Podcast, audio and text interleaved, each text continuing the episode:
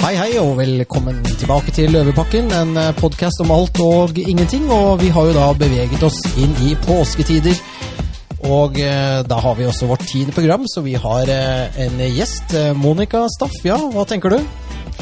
Eh, siden det er jubileum for oss i dag, og podkast nummer ti, så har vi jo hatt en ønskeliste hele veien på en del gjester vi har hatt lyst til å ha med oss i studio, og eh, i dag har vi det. Og dette er en milepæl for Løvebakken. Ja, det, det blir gøy. Eh, vi har med oss en person eh, som var Finansavisens enfant trible. Han laget innvandrerregnskapet sammen med Ole Asbjørn Næss. Eh, lysende intelligent. Venstre Twitters gnagsår og verste mareritt. En av de få i verden som har blitt blokkert på Twitter av Carl Bildt. Fryktet for sin skarpsindighet, elsket for sin direkte tone. Han er ikke opptatt av å bli likt. Du vil aldri finne han blant fordelsfolka. Han er nemlig en søker av sannheten. Petroleumsingeniør fra den gang NTH. MBA fra INSEAD. Har jobbet åtte år i oljebransjen og 15 år innen finans, bl.a. som analytiker på oljeaksjer, før han begynte som journalist. Han er nå tilbake i oljebransjen. Det er med andre ord ingen halvstudert lettvekter vi har med å gjøre her. Velkommen til Løvebakken, Kjell Erik Eilertsen. Det er jo uh, kjempehyggelig å ha deg her. Ja. Og uh, hva tenker du med påsken? Hvordan blir den for deg i åra? Uh, det blir en hjemmepåske. Jeg er jo forhindret fra å reise til det stedet jeg pleier å være i påsken, på hvor, hytta. Hvor er det hen? Det er på Geilo. På Geilo. Ja, der er du ikke velkommen. Nei. Nei, er jo, du er jo ikke alene om å ikke være velkommen i den norske fjellheimen i, i denne påsken, og det er jo selvfølgelig pga. Uh, korona. Ja, for det har vi snakket en, mye om. Hva tenker du om dette med, å, med dette hytteforbudet? Føler du hytteskam? Nei, jeg, jeg, har ikke vært på hytta, så jeg kan ikke føle noe hytteskam når jeg ikke har vært der. Um, ja, jeg, inntil jeg leste den artikkelen i, i Aftenposten om Hol kommune, hvor jeg fikk inntrykk av at omtrent alle var smittet, så er det kanskje like greit å holde seg hjemme. Var du egentlig glad for at tenkte, po, Fint at jeg ikke dro opp der. Ja, nei, vi, det er jo litt forskjell, fordi jeg har jo Eller vi, må jeg jo si. Ja, sånn, ja. Ja. Eh, vi har hytte på, på, Hafjell, og det er jo Øyer kommune. Mm -hmm. Jeg sjekket i går, for jeg tenkte at der er det sikkert voldsomt renn på Øyer legekontor. Mm -hmm. I Øyer var det null smittede, og selvfølgelig da null døde. Ja, Vi har jo dette kameraet som jeg satte opp i forrige uke. Eh, Øyer legekontor minutt for minutt. Der skjer det ingen verdens ting. Det er rett og slett veldig stille og rolig der. ja. Så jeg tror hvis man, hvis man har problemer med innsovning, så er det bare å se på den. Det, det, det, kan du trygt gjøre, for å si det sånn. Det er meget spennende. Du, Kjell Erik. Eh, det er sånn, Hva tror du skjer? Vi har sånn før koronakrisen altså Det blir et paradigme, paradigmeskifte. Vi har vel ikke sett en slik nedstenging av Vesten eller verden siden forrige verdenskrig. Det er jo rett og slett det er unntakstilstand. Folk blir jaget inn. I, I, Norge så får vi ikke dra på hyttene våre. Det er kanskje ikke så ja, Men i, i Italia så er det portforbud. I USA Altså, det skjer jo ting. Um, hva er liksom dine tanker rundt det som skjer nå med både nasjonal og internasjonal politikk, og kanskje også økonomi, eh, gjort opp noen tanker rundt det?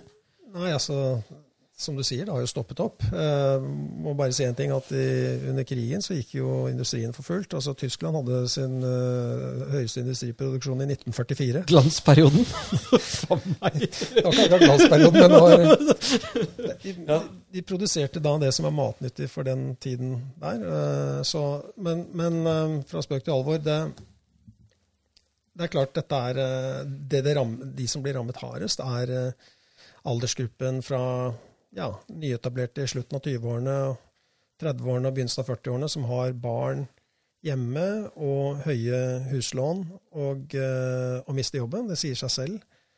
Uh, nå kan det sies at uh, rentene og betingelsene, avdraget, avdraget setter på null, og renter kuttes, sånn at det jo, gjør det jo litt enklere. Men men uh, hvis de går ned på permitteringsbetingelser begge to, så, så blir det tøft. Uh, mm. Det gjør jo det. Og det skjer etter hvor mange er det? Ja, det er jo Det er 20 dager, er det ikke det? Etter 20 dager, ja. Ja. Men jeg tror nok det var to dager til arbeids, for arbeidsgiver, og så er det din, eh, 20 dager på Nav. 20 dager på Nav. Om de da får, jeg er litt usikker på om de, da, om de får opprettholdt sin fulle lønn, om det er begrenset oppad til 6G. Eh, Det er jeg ikke helt sikker på. Men så er det jo over da på vanlige dagpengebetingelser. Ja, det er beinhardt. Det er i hvert fall hvis du har hatt en, det spiller nesten ingen rolle om du har hatt en høy eller lav inntekt, men hvis du har hatt en veldig høy inntekt og lagt deg til gode vaner, holdt jeg på å si, og så plutselig blir det halvert, f.eks., det er jo dramatisk. Ja da, og så, og så du kan si, det, det er dramatisk. Og så kan det jo godt være at det er en god del slack i, i livsførsel og hvordan, hva man bruker penger på. Jeg tror en følge av dette er at man kanskje ikke bruk, kommer til å bruke så mye penger på dilldall. Ja. Det, det kan godt være. Det er jo veldig stille Kinesisk dilldall. kinesisk plastdildal. Ja. Ja, men eh, det kommer nå inn til Oslo nå. Eh, Merker jo det at det er, det er nesten som at det er søndag, selv om det er midt i uken. Altså at, at det er helt stille her. Men jeg tenker på tilbake til din, den eh, gruppen du snakket om, som jo selvfølgelig er de som vil bli hardest rammet, altså småbarnsforeldre. Som er, i etab har nylig etablert seg, eller er i den fasen, og har høye lån. Eh, tenker vi, altså i hvert fall i denne byen her hvor vi nå sitter, på fjongeste Frogner, Mm. så er det jo um, Altså hvor mange prosent var det MDG fikk ved kommunevalget? Eh, De fikk for mange. Mange, mange av disse som er de, de som Ja. er mest utsatt, er nok av de som stemte på det partiet. Er det det? Garantert. Ja. Ja, det er veldig, veldig mange i hvert fall i denne bydelen som stemte på dem. Ja. Men nå har de jo fått det som de vil. Ja, Tilbake til naturalhusholdning. det kan du si. Uh, uh, og så er det en annen ting som jeg har tenkt på. Det er jo det at uh, nå er Norge dobbelt rammet. Da. Det, for det første er de rammet av, en, av, av nedstengningen som er politisk bestemt. Ja. Og ikke bare i Norge, men resten av store deler av Europa iallfall. Og, og i tillegg så er Norge rammet av en oljepriskrig mellom Russland og Saudi-Arabia. For den var det ingen som så komme. Den så, Eh. den så vi ikke helt komme, nei. For de, de hadde jo en, en produksjonsbegrensningsavtale som var gyldig fram til per i dag, faktisk. Ja. Um, og så uh, ville ikke Russland mer. Og, og så svarte Saudi med å sette i gang, eller annonsere uh, volumer i, i april, Ja. som gjorde at oljeprisen kollapset. Ja, For de skal, drukne, de skal drukne russerne og iranerne i olje, for å si det sånn, for å tvinge dem fram, da. Ja, men det er heller eh, Saudi som kommer til å drukne først, hvis det Ok. kommer lenge. Eh, ja, for det, det er anslagsvis kan du si at for at russiske statsfinanser skal, skal gå rundt, så krever de en oljepris på 42 dollar. Mm -hmm. det var den gang regnet i rubler. Eh, men så har rubelen falt, så de vil antagelig klare seg med en lavere oljepris enn det. Ok. Mens eh, Saudi-Arabia de, de krever en oljepris for at deres statsfinanser skal gå rundt slik som det har gjort. Mm. Så krever de en oljepris på, på 80 dollar. Og den, den, eh, realen, eller den, valutaen der er jo, er jo mm, pegget mot dollar. Ja. Så de er, en, det er i dårlig shape. Men nå tror jeg nok at Saudi-Arabia ut fra levestandard og, og en del rekke faktorer har mer slack å kutte på. Men det betyr jo at den saudiarabiske befolkningen må jo belage seg på en helt, helt annen standard enn det de har vært vant til. Skulle dette fortsette? Så er slutt å kjøre gullporscher eh, i veggen eh, med Altså det er slutt liksom på sånne tulleting, da. Ja, der blir slutt på mye dilldall, for å si det sånn. Saudi Ja. driver jo med en ganske stor utbygging oppe i Rødehavet, opp mot, eh, ikke sant, opp mot grensen mot Jordan, eh, Israel. Altså, alle har jo grense ned til Rødehavet der. Med en eller annen stor utbygging. Fordi de skal liksom markedsføre seg som litt mer sånn frilynt. Altså masse hoteller og greier hvor det skal mm, komme utenlandske turister hvor man får nyte alkohol, blant annet. Mm. Det serveres jo ikke eller, i det landet offisielt, i hvert fall. Mm.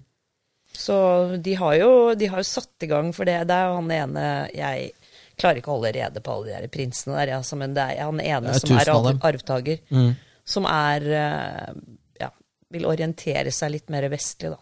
Og vil åpne landet. De har jo gitt kvinner lov til å reise ut av landet uten at eh, en mann, altså mann eller bror skal godkjenne det.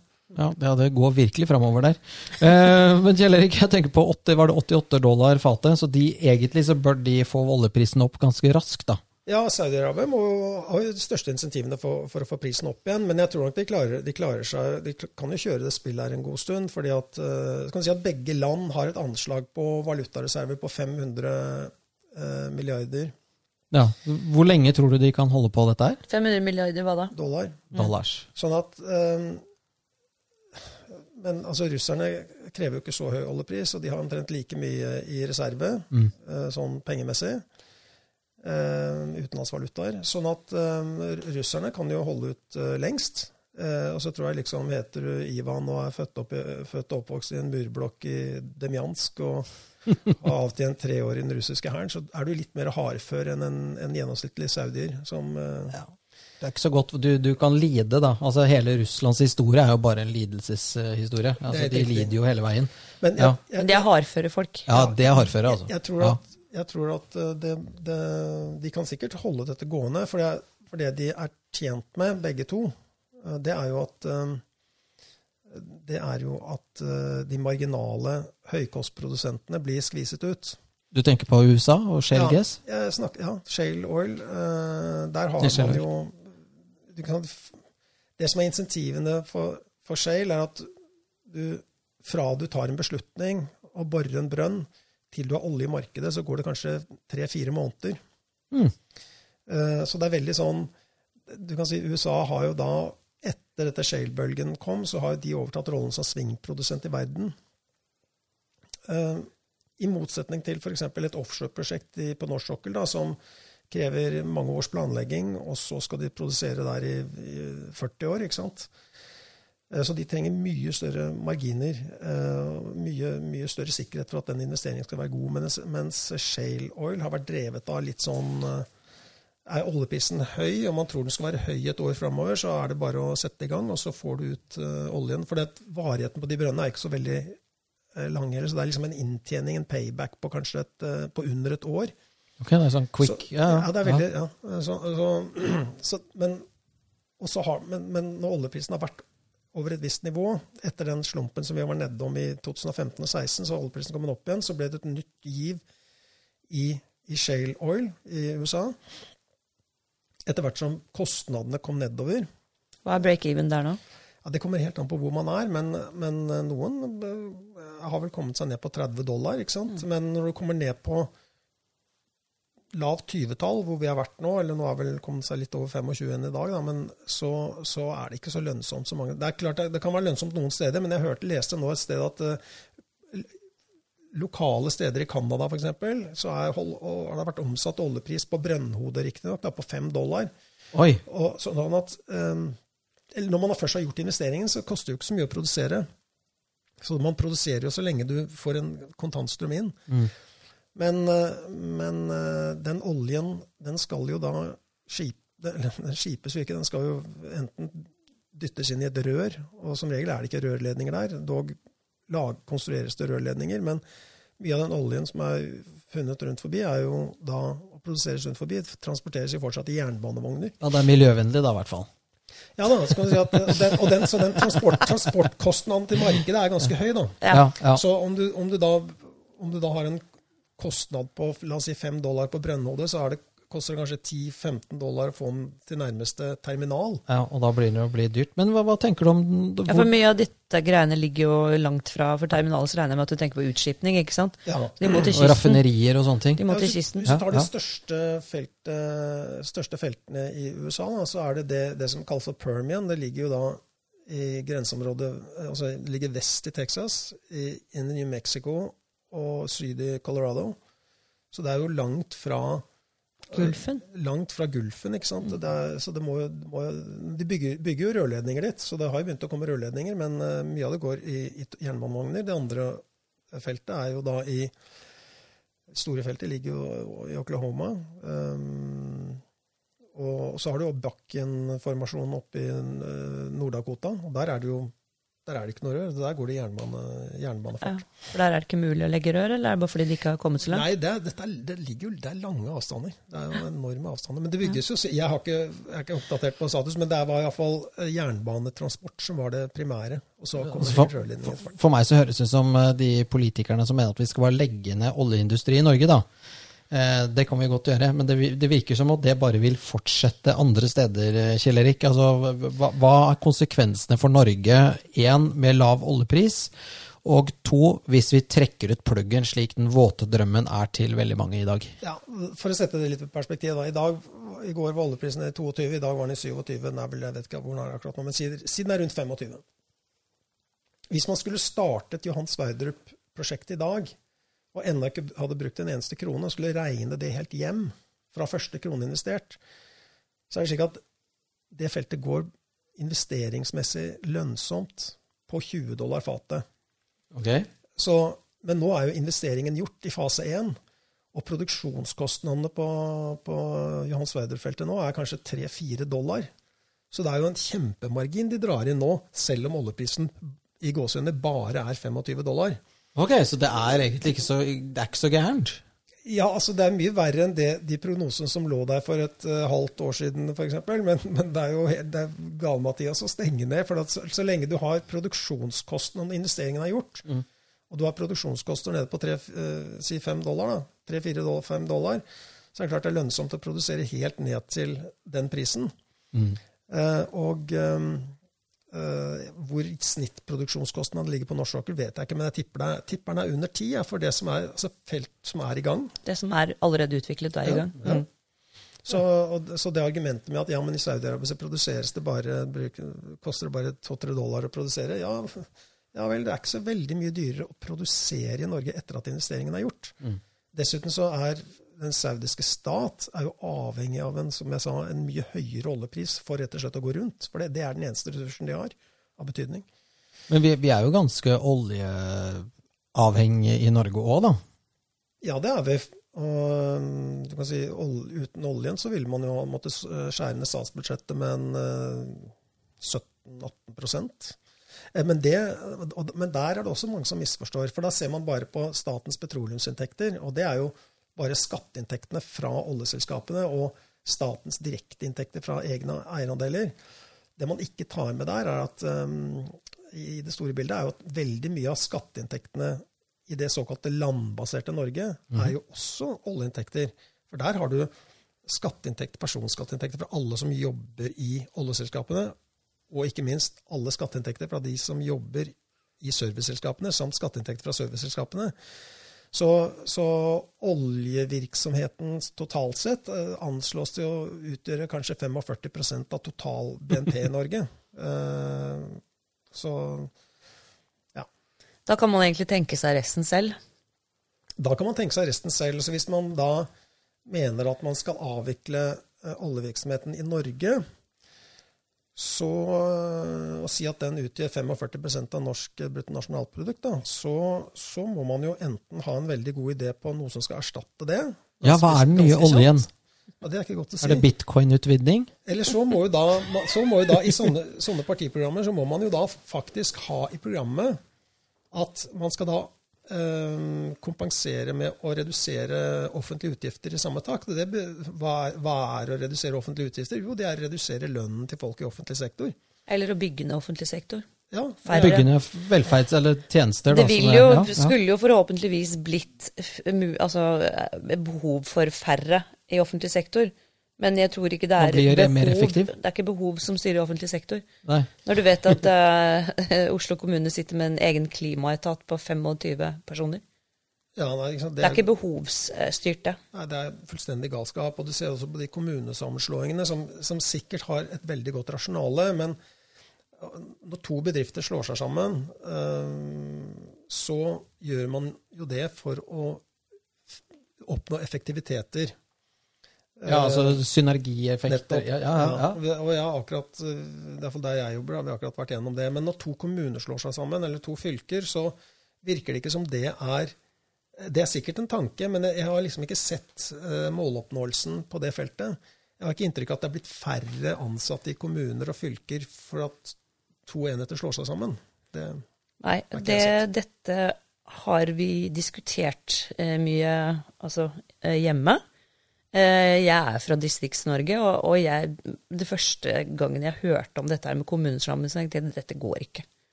Det har noe med geografien vår å gjøre. Det har noe med at er det en øy, som jeg kommer fra, så er det helt unaturlig å slå det sammen sant, med nabokommuner. fordi det ikke vil fungere. De tar lensmannen av øya, de tar, sant, de tar legen av øya. Mm. Så kan du si at jo, men dere kan eh, henvende dere til eh, legevakten i Molde. Altså det er en fergetur som av og til ikke går. Mm.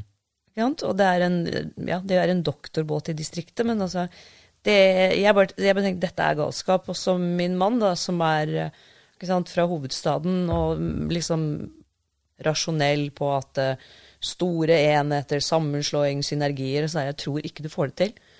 Og når du, når du ser nå hva som har skjedd f.eks. nå, for det tenkte jeg på Det er jo selvfølgelig Vi snakket jo litt om det i, i sjølveste påskepodden.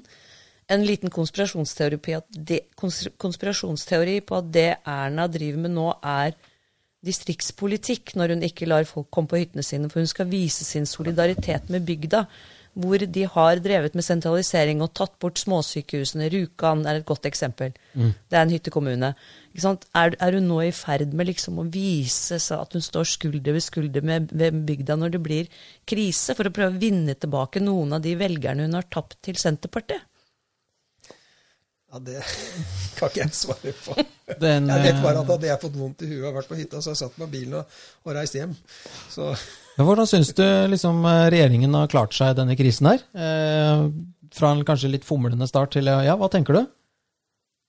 Ja, jeg Jeg, må, jeg, jeg syns at de kom litt sent i gang. Jeg tror de var veldig opptatt av, av andre politiske kjepphester mens dette koronaviruset og pandemien nærmet seg. Og det som var viktigst, det viktigste som regjeringen fokuserte på i januar, var jo da Eh, å, ta igjen denne, lage et stort poeng av denne IS-kvinnen. Eh, ja. jeg oppfatter at de prøvde å score, score voldsomt på brownie points eh, både til FN og til gud vet hva. Ja, vi ønsker jo å få plass i Sikkerhetsrådet. Og så ble det jo, ja. ja nettopp, og så ble det jo gjort til en sånn der nærmest Du er slem omtrent hvis du ikke syns at dette var ok. For en kunne ikke la en ha på Man kunne ikke la en nordmann dø, dø i fangenskap i utenlandet på hennes post osv. Alt dette her. Det er bare tull. Eh, det handler om prioriteringer. Og det andre var jo dette Klimakur, da, som de lanserte straks eh, Frp var ute. Og dette holdt de altså på med til langt ut i februar. Mm, de var på Svalbard en tur, da? Ja, og den ja. Svalbardturen den handlet jo bare om å bringe med seg noen afrikanske stemmer eh, fra FN, som kunne, fra andre eh, FN-medlemmer, som kunne da Det handler om smøring. De var jo vel en tur ned i Etiopia, altså på Afrikansk unions møte. Og Det er for å samle brownie points for å øke norsk kandidatur til Sikkerhetsrådet. Det var det som var i fokus. Det var hele planen. Hvorfor skal vi sitte i Sikkerhetsrådet? Det er jo bare ett år. Hva får man gjort der, Kjell Erik? Jeg tror det er to. Er det to? Mm. Velges man for to år eller ett år? To. Samme det. Ja, alle vil vel sitte nærmere makten. Ja, ja, ja. Og sitter du i Sikkerhetsrådet, så sitter du bredvid eh, både USA, Kina og Russland og, og de andre faste medlemmene som, som liksom, betyr noe verdens, i verdenspolitikken. Ja. Så det er vel antagelig det. Eh, men, eh, men uansett så Alt det de holdt på med i januar-februar, det, det dro fokus bort fra det som faktisk var på trappene. Jeg skal ikke bare legge skylden på regjeringen heller, for at, uh, jeg må si at WHO konkluderte jo så sent som i januar at uh, dette koronaviruset ikke var overfør, overførbart fra menneske til menneske. Det kan man jo finne igjen på deres uh, pressemeldinger fra den gangen. Ja. Så, um, men da det begynte å utvikle seg som det gjorde i i Italia. Vi hadde vel det første koronatilfellet 26.2. Etter at vinterferiefolket hadde kommet tilbake fra Østerrike. Og så begynte det å, å dra på seg litt. Da, da så syns jeg det er litt grann sent å, å sette i gang nå det, det, er selvfølgelig aldri bedre sent enn aldri, men altså at de først i dag finner ut at de må komme med en sånn spesialordre til norsk industri om å produsere pustemaskiner. Ja, Hva tenker du liksom om selvforsyning? Altså, hva tror du konsekvensene av denne krisen vil ha for selvforsyning, beredskap, industrialisering, globalisering osv.? Hva tenker du rundt det? Ja, jeg tror det kommer til å skje uh, mye, tror jeg. Altså, etter forrige alarm gikk rundt en sånn mulig pandemi. Det var under svineinfluensaen. Da gikk Bjarne Håkon Hansen ut og sa at 10 000 nordmenn kunne dø av dette her. Og da var det, da var det en litt annen type kriseberedskap. Um, og så døde det ut og ble ikke noe av, og så har det blitt en sånn litt sånn flausesak etterpå. Uh, jeg tror uh, Nå kommer det til å skje det stikk motsatte. Jeg tror at uh, alle land som blir rammet av dette her, som har opplevd at de ikke har hatt beredskapen på plass, eller ikke hatt de nødvendige midlene til å gjøre det som burde gjøres, de kommer til å fokusere på å være mer selvforsynt med essensielle varer og produkter og komponenter. Eh, og det tror jeg kommer til å vare iallfall ut dette, kommer til å sette et preg på det, hele dette tiåret her, tror jeg. Du, så du tror at med de politikerne vi har i dag, så vil de fokusere på det? Mm, det tror jeg ikke nødvendigvis. Fordi veldig mange av de vi har i dag, de, de, de frykter jo som uh, politikere generelt gjør, eh, og, og, særlig de som sitter i regjering nå, de frykter jo først og fremst at de ikke kommer til å bli gjenvalgt. Og så De gjør jo hva de kan for å smi og score brownie points uh, overfor FN. Uh, i fall Jo høyere opp du er i systemet, så har du iallfall en mulighet for å få en godt betalt og skattefri jobb der. Så de gjør det også. Um, men uh, jeg tror kanskje det kan komme en ny generasjon politikere som har litt mer uh, Norges ve og vel for øye. Forhåpentligvis. Eller er det bare broilere som ligger i, i, magasinet, som er på vei oppover i, som flyter oppover i systemet, eller tror du det kan komme inn noen der, hva for noe, noen, noen sideslengere? Ja, altså Problemet med norsk politikk i dag er at denne ideen om at eh, politikk eh, Eller profesjonalisere politikkyrket, da. Mm. Og det har medført at du har, har en hel eh, masse politikere som aldri har vært ute i yrkeslivet. De de har vært aktive i ungdomspolitikken, og så har de studert litt, eh, tatt litt statsvitenskap på universitet og kanskje eh, tatt noen kurs på BI. og så er det det, liksom. Så har de aldri egentlig hatt noe jobb. De har gått rett over i seniorpolitikken. Mm. Og så, de, og så, ser de på det som en slags yrkeskarriere. Um, så jeg, jeg, tror det må skje en endring der. Og, og, og det er jo på mange måter man snakker om et sånt, sånt begrep som partidiktatur. Mm. Men, men, det er jo slik at hvis du, skal, hvis du skal inn i politikken, da, så må du melde deg inn i et parti, og så må du være aktiv der, og så må du liksom Fra barnsbennet omtrent? Ja, ja, omtrent. Og da, da, må du liksom gjøre dine hose grønne rundt i, i, de kretsene i det partiet, og så må du uh, ja, uh, bli nominert, da. Ikke sant? Um, og det er for så vidt fair enough, men det, er, det, virker som det er en kultur som er veldig sånn lukket. For å være helt ærlig, jeg kjenner ingen jeg kjenner ingen mm. uh, som, uh, som, sitter på Stortinget. Uh, jeg kjenner ingen i min oppvekst eller omgangskrets som har vært aktiv i politikken og med et parti og sånn. Det begynner å komme litt nå, for nå er veldig mange blitt drittlei. Så de har faktisk begynt å gå i de tanker. Ok, Dette er spennende å få høre. Ja, ja. Nei, det, Dette er folk som har aldri vært med i politikken, men de har jo fulgt med i norsk politikk og fulgt med i, i norsk samfunnsliv i, i, et helt yrkesliv. Og har, uh, har mange, mange, tanker om hvordan det burde gjøres. Og, og syns rett og slett at uh, politikerne ikke holder mål. Og dette er jo ikke, om det er fra høyresiden eller venstresiden, de, de, syns rett og slett politikere uh, ikke holder mål. De, er, de har null kontakt med Eh, med samfunnslivet. F.eks. hvis en politiker har vært og besøkt en bedrift eh, et eller annet sted i Norge, og så kommer de tilbake og så snakker de om sine erfaringer, de de snakker med. Så har de kanskje snakket med to bedriftseiere over en lunsj. ikke sant? Mm. Det har skjedd en endring i løpet av de siste 30 årene med politikken. Hvis du går tilbake til 70- og 80-tallet, så hvis du hadde de som La oss si Arbeiderpartiet, da. Ja, Der var det jo folk fra norsk ja. industri, og de var liksom De ja, hadde, hadde, gjort noe. Da hadde, da hadde du ja. ja, altså, alltid stemt på, på høyresiden. Men, men, hvis du tar f.eks. Ta, ta Gunnar Berge, som var finansminister i sin tid. Mm. Platearbeider. Han ble da uglesett fra den litt mer mondene høyresiden, fordi at han var da eh, platearbeider. Han kunne ikke være finansminister, han. Men i hvert fall én ting som jeg er helt sikker på. Han Det er at har du vært sveiser og jobba på Rosenberg verft, Ja. så har du mer peiling på, på, på samfunns... uh, hva som betyr noe i samfunnet, Ja, og, verdiskaping. og, verdiskaping Ja, ja, ja, ja. og økonomi, Ja. enn en som har tatt noen kurs på BE og jobba i reklamebyrå. uh, og kanskje ikke gjort det engang. Ja, ja. Men uh, vi har jo et godt eksempel på, på ikke sant, fra USA, hvor Donald Trump kommer inn fra sidelinjen, er overhodet ikke yrkespolitiker. ja. Eh, og eh, vi vet jo alle hvordan han har blitt eh, på en måte eh, Hva skal jeg si Fra demokratenes side prøvd å tatt rotta på siden han kom i posisjon. Blant annet hvordan han da håndterer han eh, Kim Jong-il-sung bla, bla, bla nede fra Nord-Korea. Da, da er det sånn, de er sånn, så sier politikerne du kan ikke bare ringe han. Du må bruke sånne, sånne diplomatiske triks som bare vi kan. Og han bare sånn fuck it, jeg ringer han. Og så snakkes de. Og så, blir altså er det også feil, ikke sant? fordi at det at han har fått han i tale og faktisk eh, altså det, Jeg kan si masse om det. Men, men de, da føler de seg øyeblikkelig truet, for de tror at de har liksom helt spesielle skills for å drive med politikk. Og at ingen kan komme utenfra. Det er jo sånn det er da, etter hva jeg forstår, nå fungerer i Norge, at du må inn i systemet.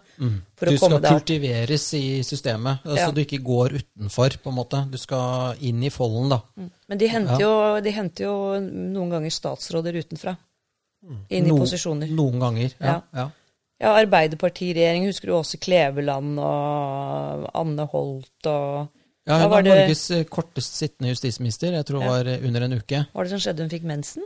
Nei, hun ble syk. Eller Ja. jeg tror hun skjønte at hun ikke var up for, up for it, for å si det rett ut. Men det er en annen sak, ja. Jo, men også Kleveland som kulturminister. Men det var en flink kulturminister. Jo- For hun er jo kulturpersonlighet. Ja, ja. Ja. Og også hun, hun, hun, øh, hun skuespillerinnen på, på Nationaltheatret, hun ah, som var teatersjef på Nationaltheatret. Ja, ja, vet du hvem du Ellen? Horn. Ellen Horn, ja. Ellen Horn er jo kjempeflink. Ja, ja, ja. ja. Det- det- Fagfolk. Da vet du hva du holder på med, ikke sant? ja. Øhm, så ja. Så hvem ville vært liksom drømmefinansminister i Norge nå, hvis man skulle velge en utenfra politikken?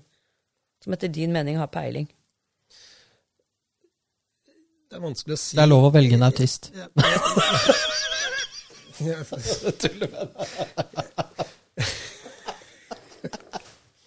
Jeg, men ja, jeg får svare på det spørsmålet. da. Ja. Nå, nå ble nettopp um, det utnevnt en ny olje, oljefondsjef, Nicolai Tangen. Ja. Ja. Uh, og han uh, er jo selvsagt superkvalifisert i den stillingen, men en, en sånn type person Mhm. Hvis personen også er interessert i samfunnsliv og politikk, Mhm. ville vært ideell også til å kunne være finansminister.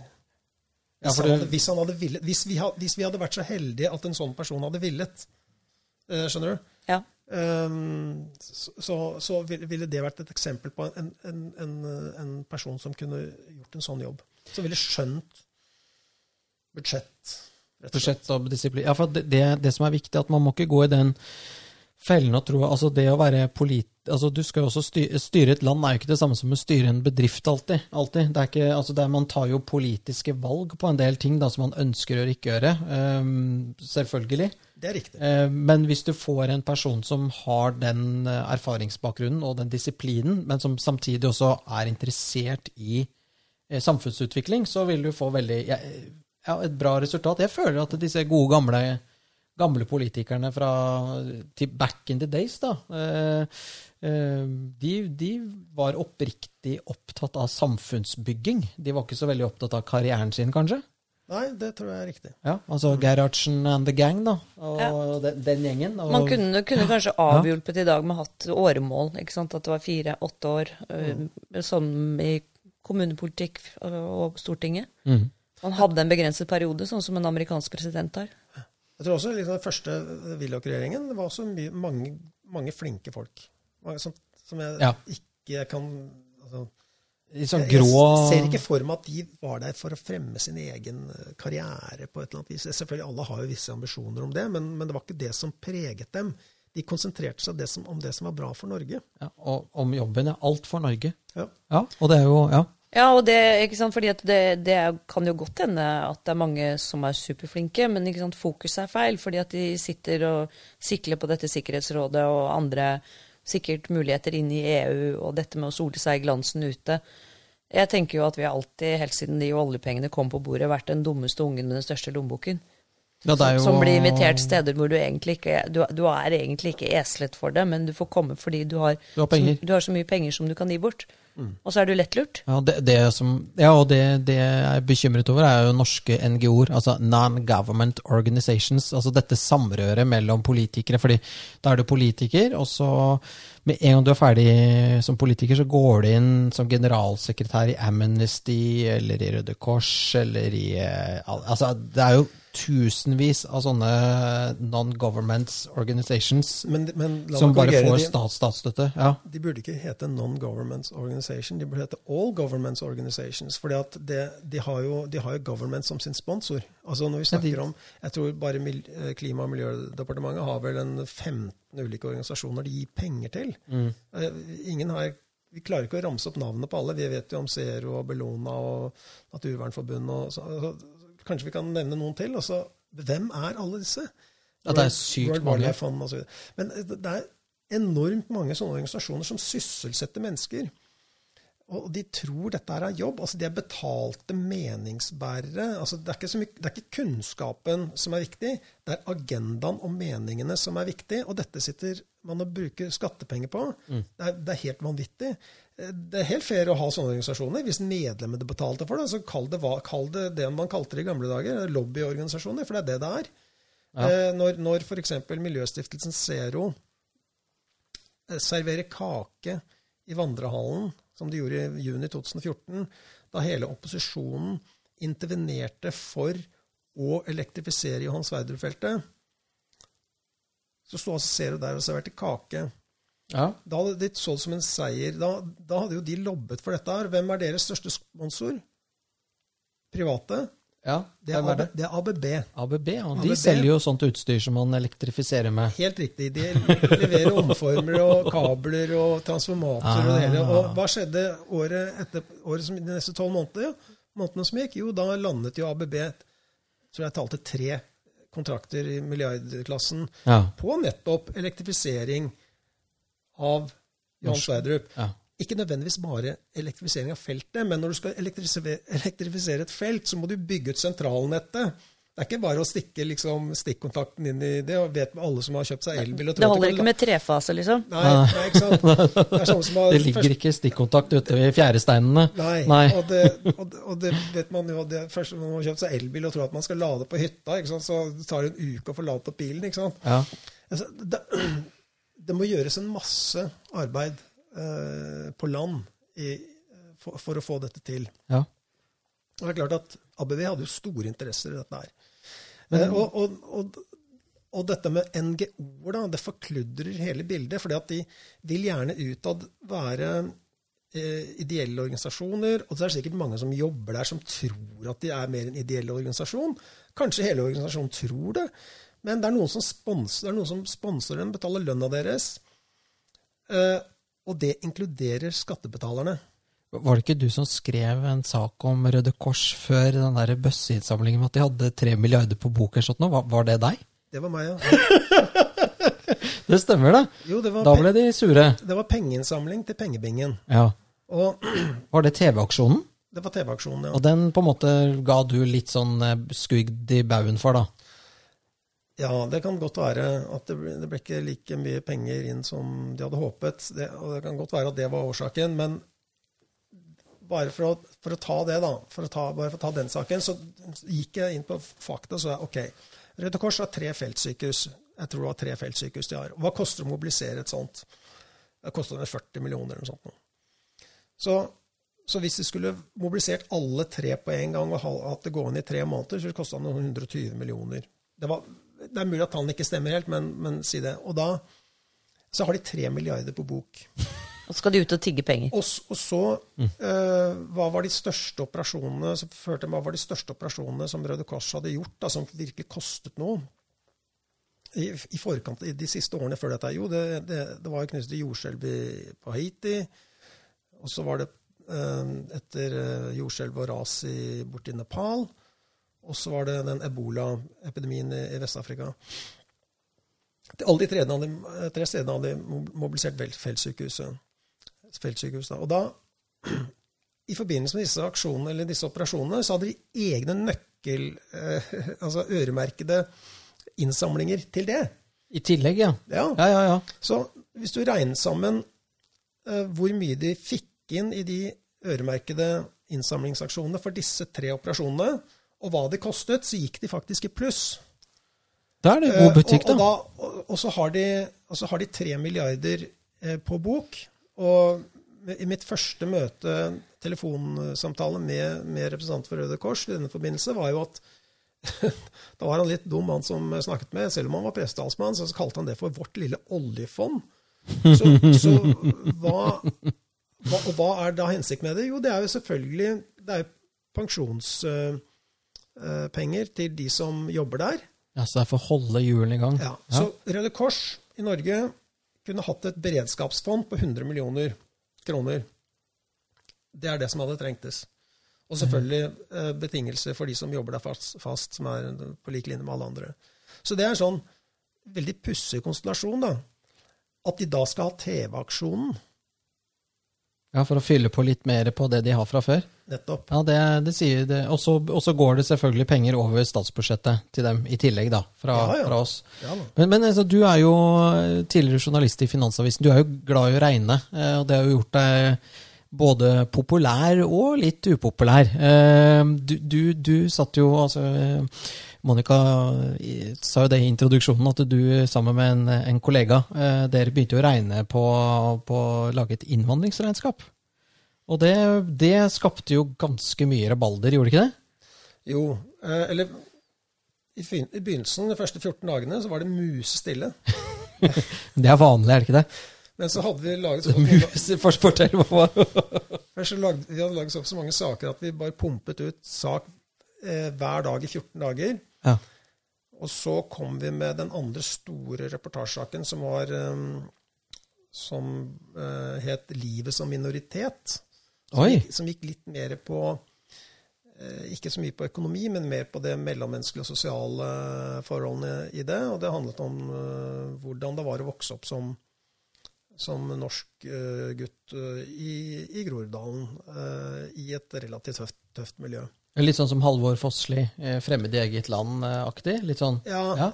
litt, eh, litt i samme, samme skala. Og da sprakk det, for da kunne man, eh, da kunne man hekte innvandringsregnskapet på noe konkret, og da var vi selvfølgelig rasister.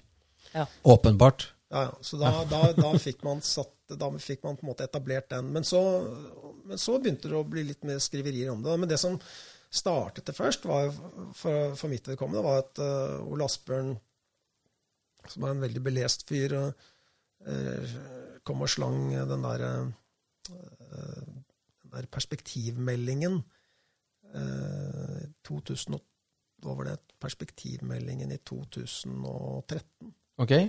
hvert, hvert valgår så kommer jo da sittende regjering med en perspektivmelding, så den kommer hvert fjerde år. Så den, den kikket jeg Jeg, jeg skal innrømme, jeg leste den ikke fra perm til perm, men jeg, det var et ganske tjukt eh, dokument, men jeg, jeg leste en god del av det. Og, og, og det som eh, var gjennomgangsordet der, var innvandring eller innvandrer, uten at uten at man fikk noe rede på i det dokumentet hva dette kostet. Man satt bare igjen med en, veldig, en fornemmelse, en sterk fornemmelse om at dette var veldig dyrt. Ja. Og så, eh, så tok vi tak i den, så den Brochmann 1-rapporten, da. Og det økonomidokumentet som var, eh, som var laget i den forbindelse.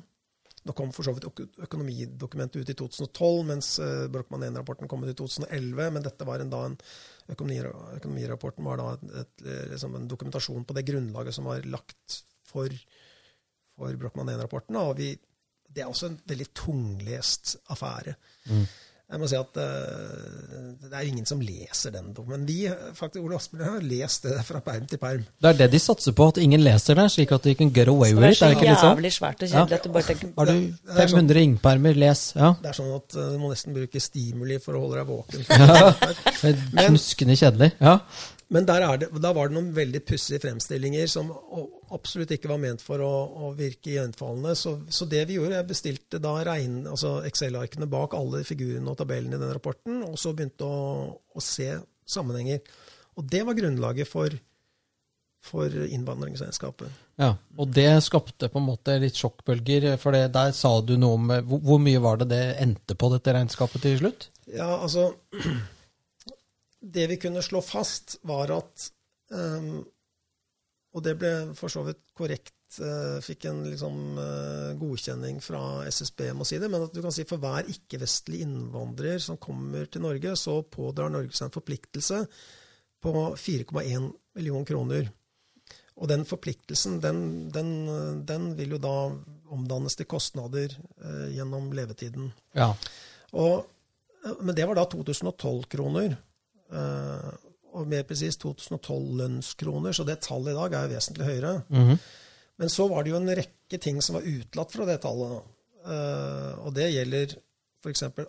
integreringstilskuddet til kommunene, som går til da eh, introduksjonsprogrammer, tolk, ja, ja, ja, sånne ting. Flyktningemottak. All, all, alle sånne ting er holdt utenfor. Så det, det, det tallet kom jo for en dag da, da regjeringen måtte lage et tillegg til statsbudsjettet noen år senere, altså høsten 2015, i forbindelse med migrasjonsbølgen. Ja. Så kom det jo et tillegg til statsbudsjettet hvor man fikk rede på de, de tallene. Og det var jo da omtrent halvannen million per hode. Ekstra, ja. ja. Og dette er jo, og dette, var, dette var SSB veldig nøye på å si at dette hadde ikke de tatt inn i, det, i den rapporten. Det var ekstraregningen? Bonusen? Det var Ekstra ja. ja. Og så er det en viktig forutsetning eh, bak det 4,1 2012 kroner, 4,1 millioner 2012-kroner, er jo at i den rapporten hvor dette er beregnet, så er jo det et, et anslag som forutsetter to ting. Det forutsetter at alle, alle? både ikke-vestlige innvandrere og alle norgesbefolkningen, har et likt konsum av offentlige tjenester. Ja. Det vil si likt konsum av politi, politirettsvesen, litt, likt konsum av skole, retts, retts, ja. likt, konsum av fengselstjenester, likt konsum av tolketjenester osv. Og så forutsatte det én ting til. Det er at alle norskfødte etterkommere har akkurat det samme. At de er perfekt, med andre ord perfekt integrert. Mm. Ja. Og, og, alle som går opp, alle som har to bein og kan gå rundt og se og øyne og rører, vet jo at det ikke stemmer. Så, så, du kan si de 4,1 uh, millioner uh, 2012-kroner, det er et svært, svært forsiktig anslag. Kan du si at de liksom har nesten sminket litt på det? Sminket brura, sa brura? Ja, ja, jeg vet ikke om de har aktivt sminket på det, men det er ikke sånn, dette, dette er jo Forutsetningene for regnestykket. Man, man, man, må gjøre noen forutsetninger, mm. eh, ellers så blir regnestykket ekstremt komplekst. Mm. Men ja. man må gjøre noen forutsetninger, og så, og så, og så konkluderte det ut fra det. Men de forutsetningene står jo beskrevet mm. i rapporten. Eh, dog ikke markedsført som en highlight, men du ja. må jo lese rapporten, ja. så ser du forutsetningene. Nei, for jeg tenker at altså, det er jo som du sier, alle som har øyne og ører, ser jo at det ikke stemmer. Altså dette med at man ja, i andre og tredje generasjon er perfekt integrert eller, eller har begynt å bidra. Men uh, det som er helt utrolig, er jo at det var så kontroversielt å komme med tall på hva dette koster. Ja, for vi regner jo ut hva en bilulykke koster hvert år. Hva, altså Alt i Norge regnes jo Men på. Men ikke innvandring, og hva, ja. hva, hva tjukke ja. kjerringer koster helsevesenet. Ja, ja. Jo, jo, men eh, SSB regner jo på alt. Ja. ja. Og det er ikke kontroversielt. Nei, det burde ikke være det, da. Og, og det, som, som, SSB skrev i Samfunnsspeilet det samme året, på slutten av året, da, så skrev de at uh, ingen uh, det, det, de skrev at det ville være en unnlatelsessynd å ikke, å ikke diskutere det. Mm. Uh, og det er jo og det ga for så, de, så de ga en honnør til det arbeidet vi har gjort i Finansavisen, med å gjøre det SSB skrev, litt mer forståelig for allmuen. Mm. Men, men, men, men, etter det så kom du på radaren som Etter det så har jo du sikkert blitt, uh, fått, fått, mye problemer ja, da, med da er jeg, stor, jeg, er blitt den store rasisten i Norge. Ja, er det venstre-Twitter du har døpt dem? ja. jeg, jeg, kalte dem for Twitter-venstre. Twitter-venstre var det, ja ja. Og der, det, der, går det hardt unna. Jo, ja. jo, men, men, ja, det, var, det, var, mer før, da. Med den mm. forrige Jeg hadde en Twitter-konto hvor jeg var litt mer uh, aggressiv. Uh, Uh, den har jeg lagt ned. Ja. Men det var, det var, så mange som blokkerte meg til slutt. at det hadde ja, Carl Bildt, hva skjedde der? Det er jo helt rått at vi nå sitter i samme rom med en mann som har blitt eh, blokkert av selveste Carl Bildt. Jeg må si Det er Det er nesten helt det er storartet. Altså. Det er jo helt fantastisk. Who the fuck gets blocked by Carl Bildt, liksom? Hæ? Nei, det begynner jeg, jeg hadde jo en tiltale Jeg tiltaler alltid med kong Carl Bildt, da. Å ja. Det er jo en, Da begynner vi jo der. Ja. Nei, eh, Carl Bildt han er jo en såkalt eh, world savior. Klassisk eksempel på politiker som eh, lever et eller annet slags konsulentliv internasjonalt. Hvem som betaler lønna hans, er ikke godt å si, men han sklir jo inn i alle sånne diplomatmiljøer. Eh, Jeg er helt overbevist om at de flesteparten må jo synes han er en dust. Eh, eh, Så han, han er jo da en av arkitektene, etter min oppfatning, bak svenske tilstander. Og det var et av de tingene jeg tok med han på Twitter. Han og Fredrik Reinfeldt var jo arkitektene bak det jeg vil kalle for svenske Det uføret de er i nå. Ja. ja, mm. ja, helt klart. Eh, Med, en samfunnsbygging basert på noen helt forskrudde ideer som ikke har noen realitetssans. Og da er vi tilbake til det der poenget med politikere som aldri har vært ute i det praktiske og sett hvordan ting funker. ja, men jeg har ikke sett noen håndgranateksplosjon der. Nei, Nei, men jeg har ikke sett eh, Ja, ja, det er litt sånn. Ja.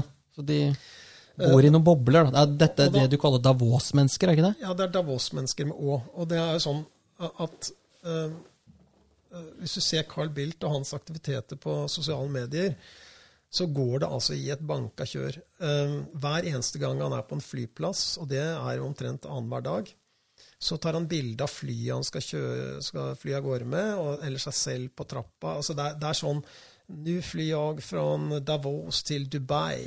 For å redde verden. Ja, nu, nu, er jeg, nu er jeg i Genève. Eh, etter, en, etter en travel, travel eh, noen to travle dager i Genève skal jeg tilbake, skal jeg tilbake til Brussel. Det har vært en hemsk vecka för Ja. meg, kong så. Carl Bildt.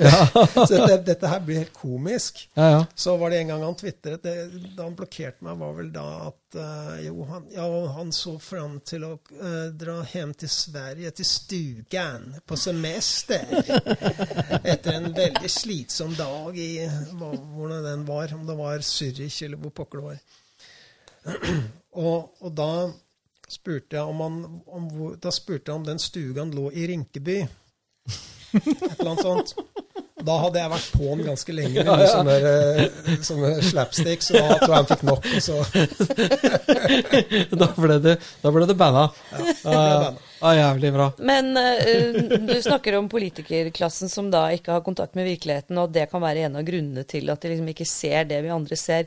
Men jeg tenker at de, de bor jo i den samme Når vi tar Oslo som eksempel, da, den samme byen som oss. De må jo se at det brenner biler eh, rundt omkring i, i, i byen omtrent hver eneste natten. Og de må, jo, de må jo vite om og se alt det som skjer med sånne gjenger av innvandrerungdommer som terroriserer.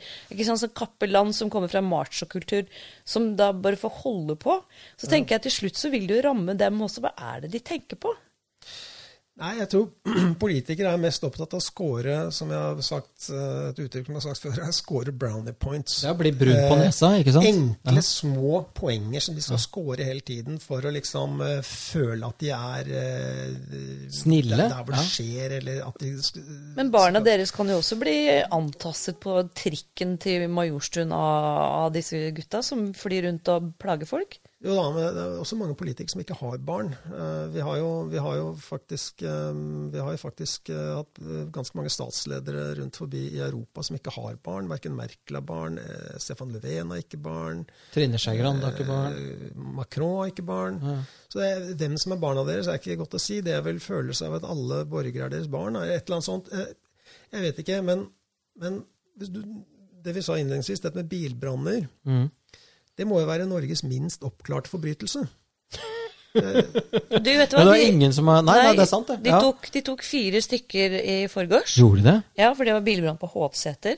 Åh. Men poenget er jo at alle vi andre holder oss inne, så nå blir det jo veldig veldig synlig når de kommer liksom raggende med bensinkannen i baksetet og skal fyre opp noen biler. Det, er faktisk, det var faktisk tatt fire stykker, sånn og de var i alderen 18 til 20 år. Muligens at det er første gangen de har klart å ta noen som faktisk er eh, Som de kan straffe. ikke sant? Fordi at de andre som driver med det, er kanskje bare 14-15 år. Kanskje de vet hvem det er. De får ikke gjort noe med det. Det er, jo, det er jo en stor del av problemet. At de er så unge at vi har ingen Altså, vi har ingen hjemler for å gjøre noe annet enn å gi det til barnevernet, og det funker jo ikke. Ja, men det er, det er, en, det er en urovekkende utvikling eh, som skjer nå. Ja. Ja, og, og da har man jo dette med kriminell lavalder. Jeg vet ikke hva han er i Norge, 15 år. Ja, noe sånt skal, du ha, skal du ha, så vil du ha stemmerett til 16-åringer. og sånn at eh, Kan du være stortingspolitiker som 16-åringer? eller Kan du liksom, hvis du gjør noe gærent, kan stortingspolitikere havne i barnevernet? Da? Eller hvordan, hvor, altså, hvor er Må Selv om hentes, mange sikkert hadde hatt godt- mamma. mange sikkert hadde godt av det, men hva Jeg tenker at de ville kanskje gjort det samme som de andre som på tinget når de kommer i trøbbel. De ville blitt sykemeldt, sikkert. Ja, bare bli sykemeldt. Ja, Mye enklere. Mye lurere. Men, eh, men til- koronakrisen, for at du er jo veldig opptatt av disse tallene eh, før vi avslutter. Liksom, eh, altså Ja. du, vi følger jo med, og du har Excel-ark, og du lager eh, grafer og søylediagrammer og kakediagrammer, og det er det ene og det andre. Dette her Hvor, hvor al alvorlig er dette? Ja, altså dette er noe som opptar deg. Hva i all verden skjer?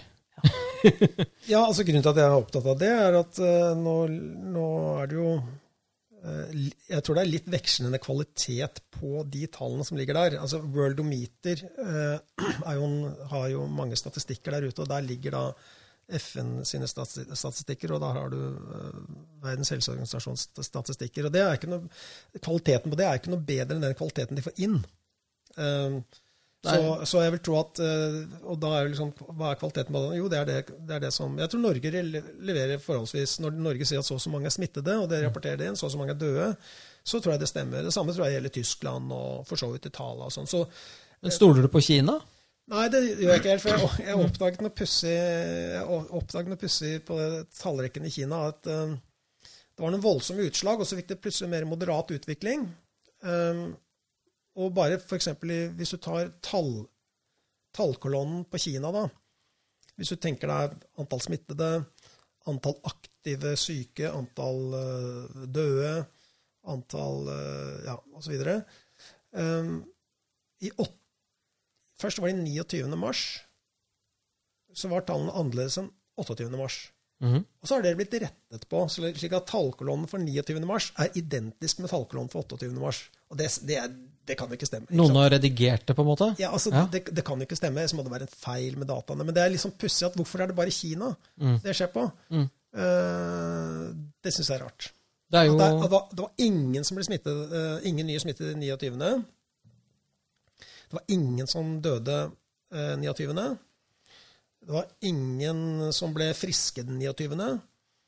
Uh, og så videre. Så, så det, er jo litt rart. De sitter og manipulerer da tallene, da kanskje? Ja, Ja. I, dette tilf I akkurat den dagen så må det jo være det. Og så er det jo nå en del spekulasjoner Jeg leste senest i Nettavisen i dag, hadde en, en artikkel hvor, hvor, eh, fra Wuhan da, hvor, hvor folk kan komme og hente urnene etter, eh, etter de døde. Sine døde? Ja. ja. Og så er det rapportert Jeg husker hvor mange 5000 som er i døde. Ki- døde er i Kina. Det er vel en tre, tre Det er ikke det er 4000, det er 3000-4000, tror jeg. Ok. Det var så få som døde i Kina, ja. Ja, Det er 60 millioner, var 60 millioner mennesker i Wuhan, ikke sant? Ja, men poenget er at de mente at antall urner som var henta ut, var mye mer enn det som offisielt er døde.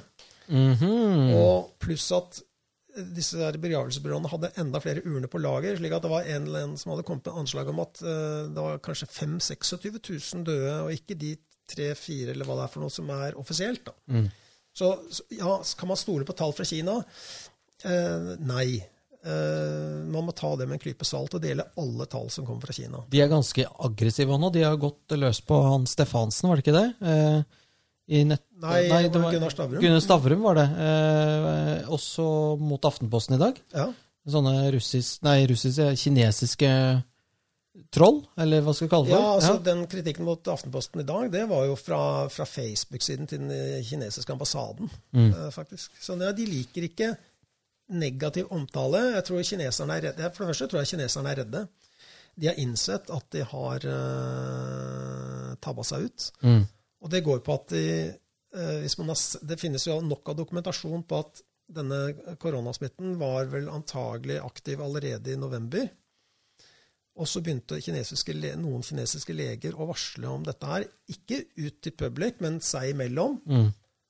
Eh, om at det er et eller annet i gjære. Disse ble jo, ble jo da fikk reprimande. Han ene legen han døde jo faktisk av koronasmitte her i begynnelsen av februar.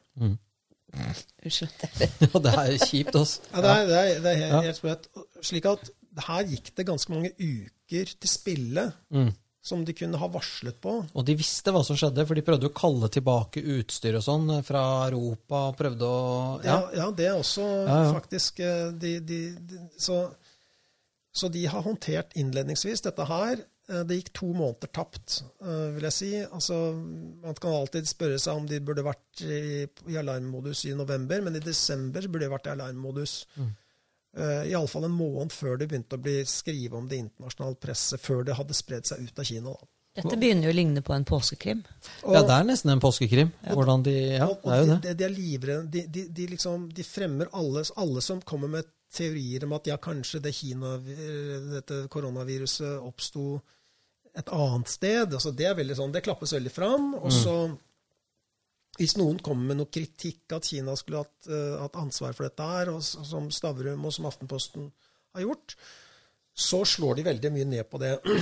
Og det er for så vidt ferien at ambassaden gjør det, det er liksom omtrent forplikta til å gjøre, men de har altså en del sånne aktører på nett. da. Det er en del sånne femtekolonner rundt omkring i Norge som eh, driver og Det bobler opp litt her og der, da. Du legger merke til det? Men jeg tror de er livredde Ja. for en ting, og det er at eh, det som vi snakket om i sted, at det som kommer til å komme i fokus etter denne epidemien, er jo, er jo et eh, større selvforsyningsgrad, større, mer fokus på faktisk å produsere ting selv, eller la folk du på en måte, eller land du har et nærere forhold til, produsere eh, ting du trenger. Ta, ta Um, industrien hjem igjen til Europa, da. Mye industri kommer til å havne tilbake i Europa på produksjon og, og, og, og produkter, enkeltkomponenter osv., tror jeg.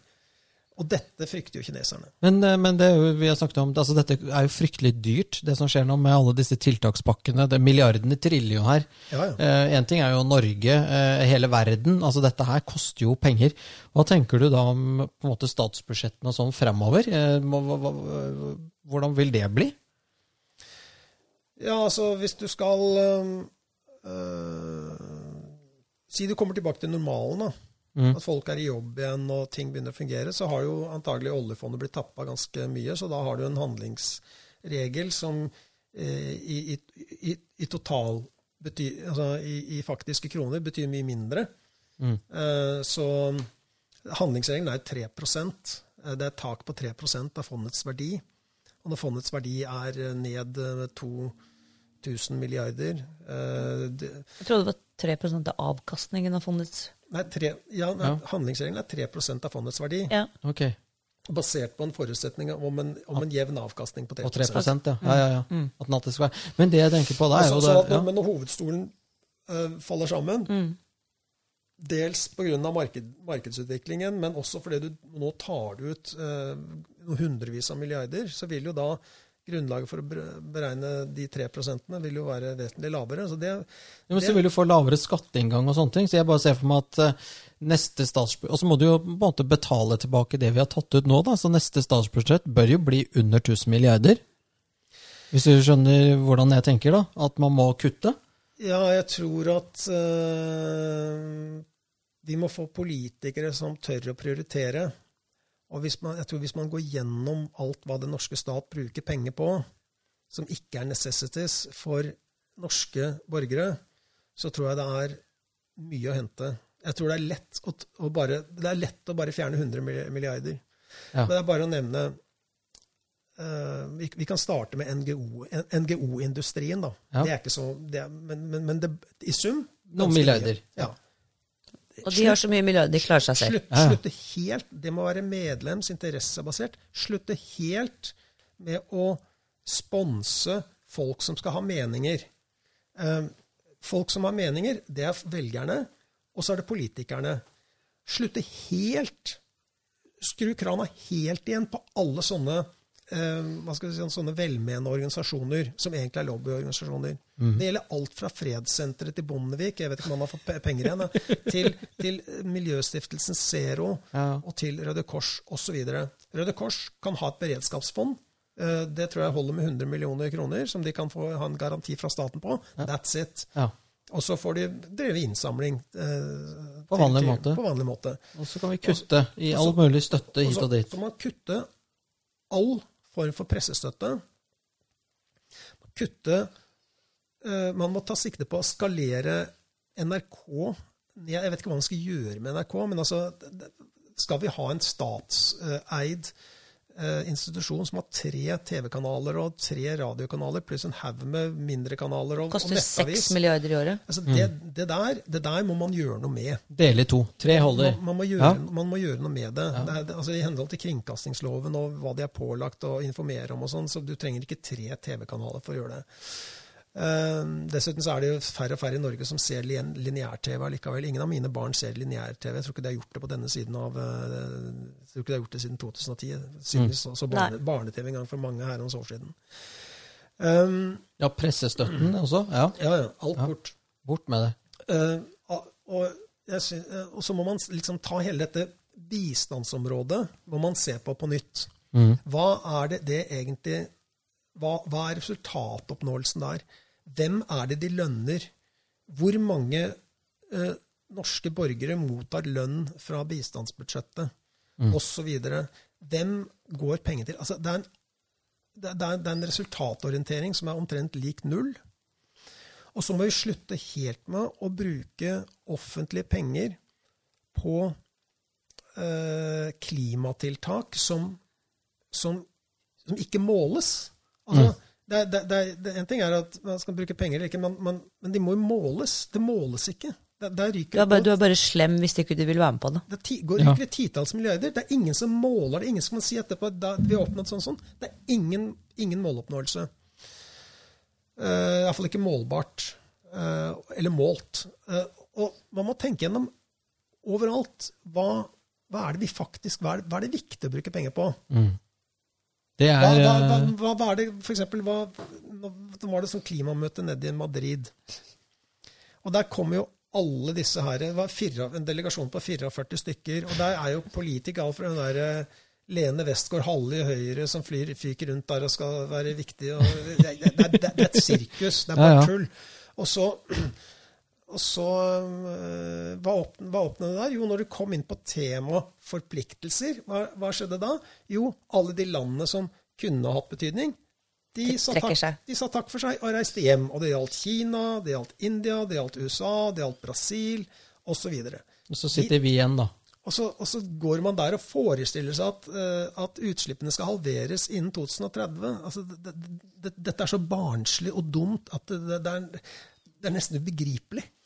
Det er eh, Ja. Det er helt riktig, det er ubegripelig, fordi at du forstår på en måte ikke beveggrunnen for at man skal tro at vi skal gjøre den store forskjellen. Jeg, jeg, sier, jeg sier ikke at Norge ikke skal gjøre noe, men, men når, når, når premissene er slik de er, så virker det bare dumt.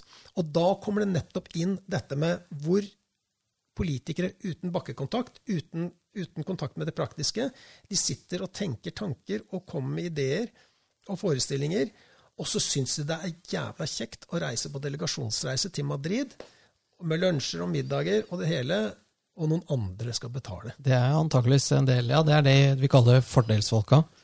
Ja, og det at man ikke, sant, ikke målbare prosjekter, som er yndlingsbeskjeftigelsen til Perpete mobile. Da bare kan det være Ja. evig, eviggående. Ikke målbare prosjekter hvor du bare kan pøse inn flere og flere penger, reise på flere og flere komitémøter, reiser, delegasjoner, eh, seminarer. Altså det, det er jo det det handler om. For da, da, da gjør de jo noe. ikke sant? Da De de- rettferdiggjør de sin egen eksistens. Ja, ja, alltid. Du må aldri løse problemet. Ja, og vi snakket jo også, det var vel eh, i påskepodden, var det ikke det, dette med at eh, i og med at vi har blitt sekulære og vi skal eh, skrinlegge alt som heter religion, bortsett fra den du veit, så, så har folk behov folk har behov for å tro på noe, og den nye religionen er klimareligion. Og Greta, Og Grete. som også har fått covid. Da. Hun har jo, det deiligste med hele denne covid-krisen er jo at det har vært helt stille fra den kanten. Det er så deilig å skru på radioen og ikke høre om klima. Eh, og altså- ikke høre om Greta Thunberg. Eh, Det er veldig deilig. Det har vært egentlig tre fantastiske uker. Jeg tror de er i gang igjen før du får sagt kake. Jeg så på, Apropos det, da. Jeg så på mm, på disse koronatallene i dag. Og I dag fikk faktisk Sierra Leone fikk sin første koronasmittede, registrerte koronasmittede person. Antagelig er det flere. Men eh, jeg tror befolkningen i Sierra Leone har mer alvorlige ting eh, å bekymre seg for enn en korona. Det, det, er min, det, er min, oppfatning. Det er mulig at det er, mulig at det er feil. Og, og, er det én ting som er sikkert, er at uh, Jeg tror folk, folk i Afrika jeg, jeg, tror ikke det er liksom elbil de tenker på først. Altså, det er helt fjernt. Altså, med en oljepris på, på 25 dollar så blir det iallfall ikke lønnsomt å drive med, drive med, alternativ energi. Det er helt sikkert. Og det er også et poeng som jeg tror, som vi snakket om i sted når det gjaldt oljepriskrigen med Saudi og Russland. Ja. Vi ser, og det er klassisk petroleumsøkonomi, blir oljeprisen for høy, så kommer det, dukker det opp alternative energiformer. Altså Under krigen så lagde tyskerne flybensin av kull. Ja. Dritdyrt. Syntetisk eh, diesel. Kjempe, ja. Kjempedyrt, men de klarte det. Fischer-Tropps-metoden, faktisk. Det, det, er fordi de hadde ikke noe alternativ. ja. Eh, Iallfall ikke på slutten. Eh, og, og, og, det samme er jo Det er klassisk petroleumsøkonomisk problemstilling. Og det tror jeg også er noe av det som russerne mente at de vil ikke være med på noe mer kutt. Og så skal liksom Saudi prøve å ta både Russland og alle på dette her. Og så Hvem er det som skal bygge alternativ energi unnskyld meg, på en oljepris på 25 dollar? Det, det, det, det er ikke lønnsomt. Ja, det er bare fantasi. Eh, og, og, og vi, når det gjelder ressursbruk i Norge, så har jeg en kjepphest til. Altså vannkraften vår. Mm. Det var forutsetningen for at du kunne industrialisere Norge fra er liksom Fra vi var et rent jordbrukssamfunn til vi et, ble et, liksom et, moderne samfunn som kunne utvikles også i tråd med, resten av Europa etter den industrielle revolusjonen. Og vannkraften vår, det er vår jeg vil si det er vår viktigste konkurransemessige fortrinn. Mm -hmm. Og det er helt grønt. Ja. Og så bruker man altså vannkraften på å elektrifisere norske husholdninger. 150 000 husstander har måttet hive ut uh, oljefyr. Eh, og vi bruker det på å elektrifisere eh, bilparken vår. Og hva er den globale gevinsten med det, så lenge du har 20% av EUs energi, strømforsyning er basert på kull? Mm. Og hvis du går ut i verden, så er det jo 40 80, 50, 40, Det er mye mer. Det er kjempehøyt. Jeg tror det er 80 høyt, er sånn, i hvert fall kull og olje og gass. ja. Så, så, sånn at, eh, så det, dette er sånn Og så bruker vi vannkraften vår på det, og så skaper vi en kunstig etterspørsel etter etter eh, Eller ikke kunstig, den er reell, faktisk. Men du skaper en etterspørsel etter mer strøm gjennom noen politiske vedtak. Og så gjør man det da, oi, så blir det lønnsomt å, å, å, bygge vind. Fordi at du har skapt en etterspørsel politisk. Eh, så dette her, Isteden så kunne heller Norge, gitt at Jeg skal ikke ta stilling til om jeg tror på global, menneskap, global oppvarming eller ikke, men gitt at det er det, da, gitt at det er tilfellet, så ville det iallfall vært et kjempe asset for Norge og markedsført norsk aluminium. Mm. Den, er, den, er, grønn. Grønn norsk aluminium. Grønn norsk aluminium. Det, altså all, mange norske produkter, mer, mer industriaktivitet uh, i Norge basert på, faktisk på vannkraften, istedenfor å sløse bort den verdifulle vannkraften til å varme opp ting. Det er helt meningsløst. Ja, Hydro har jo flyttet aluminiumsproduksjonen sin eh, til Hvor var det? Qatar eller sånn? Ja,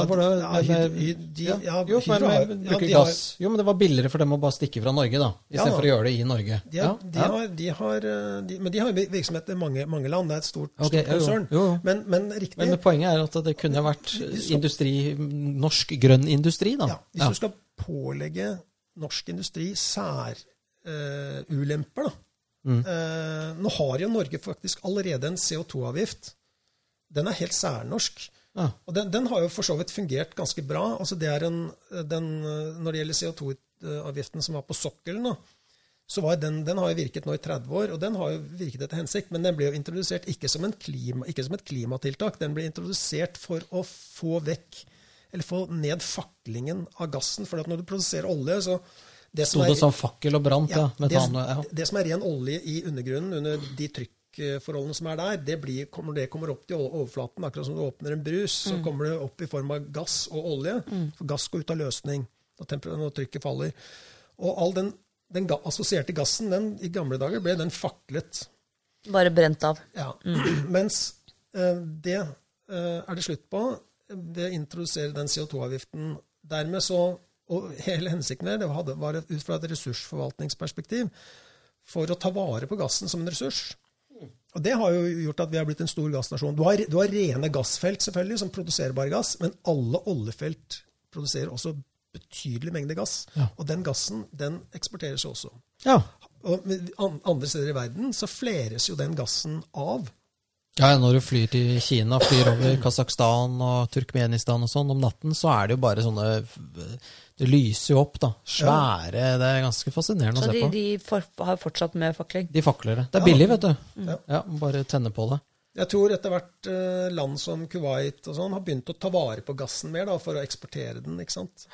Så, men men når, hvis du er i et land som er langt fra markedet, så må du jo ha en eller annen form for transportere dette her. Og da har det jo det LNG-markedet har jo kommet og hva skal vi si, brakt gass Gass vil jo alltid være et lokalt, et lokalt produkt, øh, om du vil. Da. Det er ikke et globalt produkt.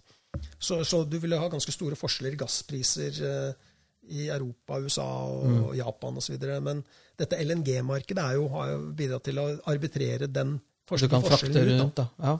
Så, så, mens olje, ha, olje priser seg omtrent likt om, om du er i Singapore eller om du er i Rotterdam. vi får, vi får jo fraktet gass fra Norge og ned til eh, Europa, bort til England og Ja, det går gjennom rørledning. Det går i rør. Så det er jo så, Så det er mulig. ja, ja, absolutt. Men når jeg sier lokalt, så mener jeg Europa på en måte ett Ja, så, sånn, ja. Ja. ja. Men, men vil det si liksom at eh, til alle de som løper rundt og, og, og, og, og snakker om den nye oljen, og, eh, er det liksom wake-up call at eh, nei, det blir ikke slik. Eh, Norge er helt avhengig av olje og gass. Eh, det, er det, som, det er det vi lever av. Ja, De må gjerne Og snakke om den nye oljen. eh, eh, Men hva skulle det være? Da, Ja. men da må, de, da må de vise hva er kapitalavkastningen. eh, på- Dette aner de ikke noe om, for de har aldri hatt en jobb, som Nei. noen har sagt. Det var Betaling som sa det. Og Ja. men jeg syns absolutt Norge burde jo satse på teknologiutvikling. Det, for all del. Det er jo, det er jo helt essensielt. Mm. Men det er klart, hvis, hvis en stor del av befolkningen syns det er syns det er mer spennende å, å, å studere filosofi og statsvitenskap og Lage apper.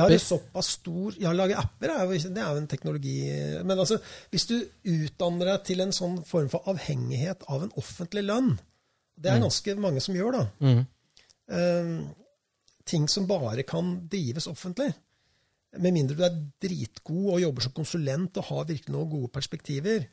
Eh, men eh, så er det veldig mange som tar utdannelser i dag som, eh, som eh, ender opp i offentlig sektor. Og det er ikke sikkert den offentlige sektoren er der. Ikke sikkert den har råd om, om 20 år.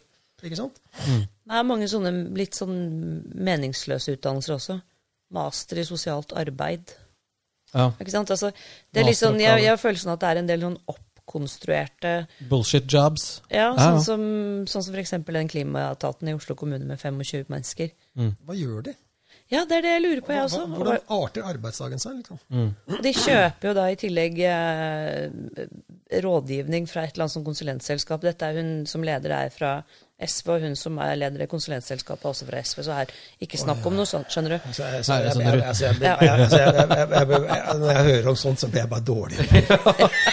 Men du sa at eh, kanskje det er på tide at eh, altså, festen er over. Eh, noen voksne må komme på festen og, og skru på lyset og si at eh, ut av klinekroken, nå må, de, nå må vi rydde opp her og få orden på ting. Kunne ikke tenkt deg å gjort en innsats eh, for konge og fedreland du da, Kjell Erik? Jeg sier som, jeg sier som Ross Perot. The party is over. It's time to pay the fiddler. It's time to pay the fiddler, ja. Jeg sier vi med disse bevingede ord, så har vi jo pludret i 1 time og 18 minutter. Det er kjempebra. Lengste podcasten ever. Kjempehyggelig å ha deg her. Ja, Vil du oppsummere Vel- litt? Eh, vi kan vel oppsummere med at eh, det å være samfunnskritisk, lage innvandrerregnskap eh, og i det hele tatt stille spørsmålstegn ved om vi har kompetente politikere i Norge, kan føre til at du blir kalt veldig mye rart. Ja, Og at du får uvenner på Twitter. At du får uvenner på Twitter og blir blokkert av selveste Carl Bildt. Men det kan også gi deg nye venner. Eh, som, og nye folk som har lyst til å lytte til fornuft, da. Vil du si det? Ja, vi håper jo at flere og flere vil lytte til den type fornuft. Eller sannheten, som vi også kaller det. Vil du komme tilbake her en annen gang, Kjellvik? Ja da, det vil jeg gjerne. Det var, du overlevde? Ja, Veldig hyggelig. Veldig bra. Ja, men du, da, da Og bare da runder vi på. ønsker vi fortsatt god påske i ikke hytter og hus, men i hus. I hus og hjem, og vask hendene og vær snille mot hverandre. Så skal vi nok komme oss gjennom både den ene og den andre krisa. Adios!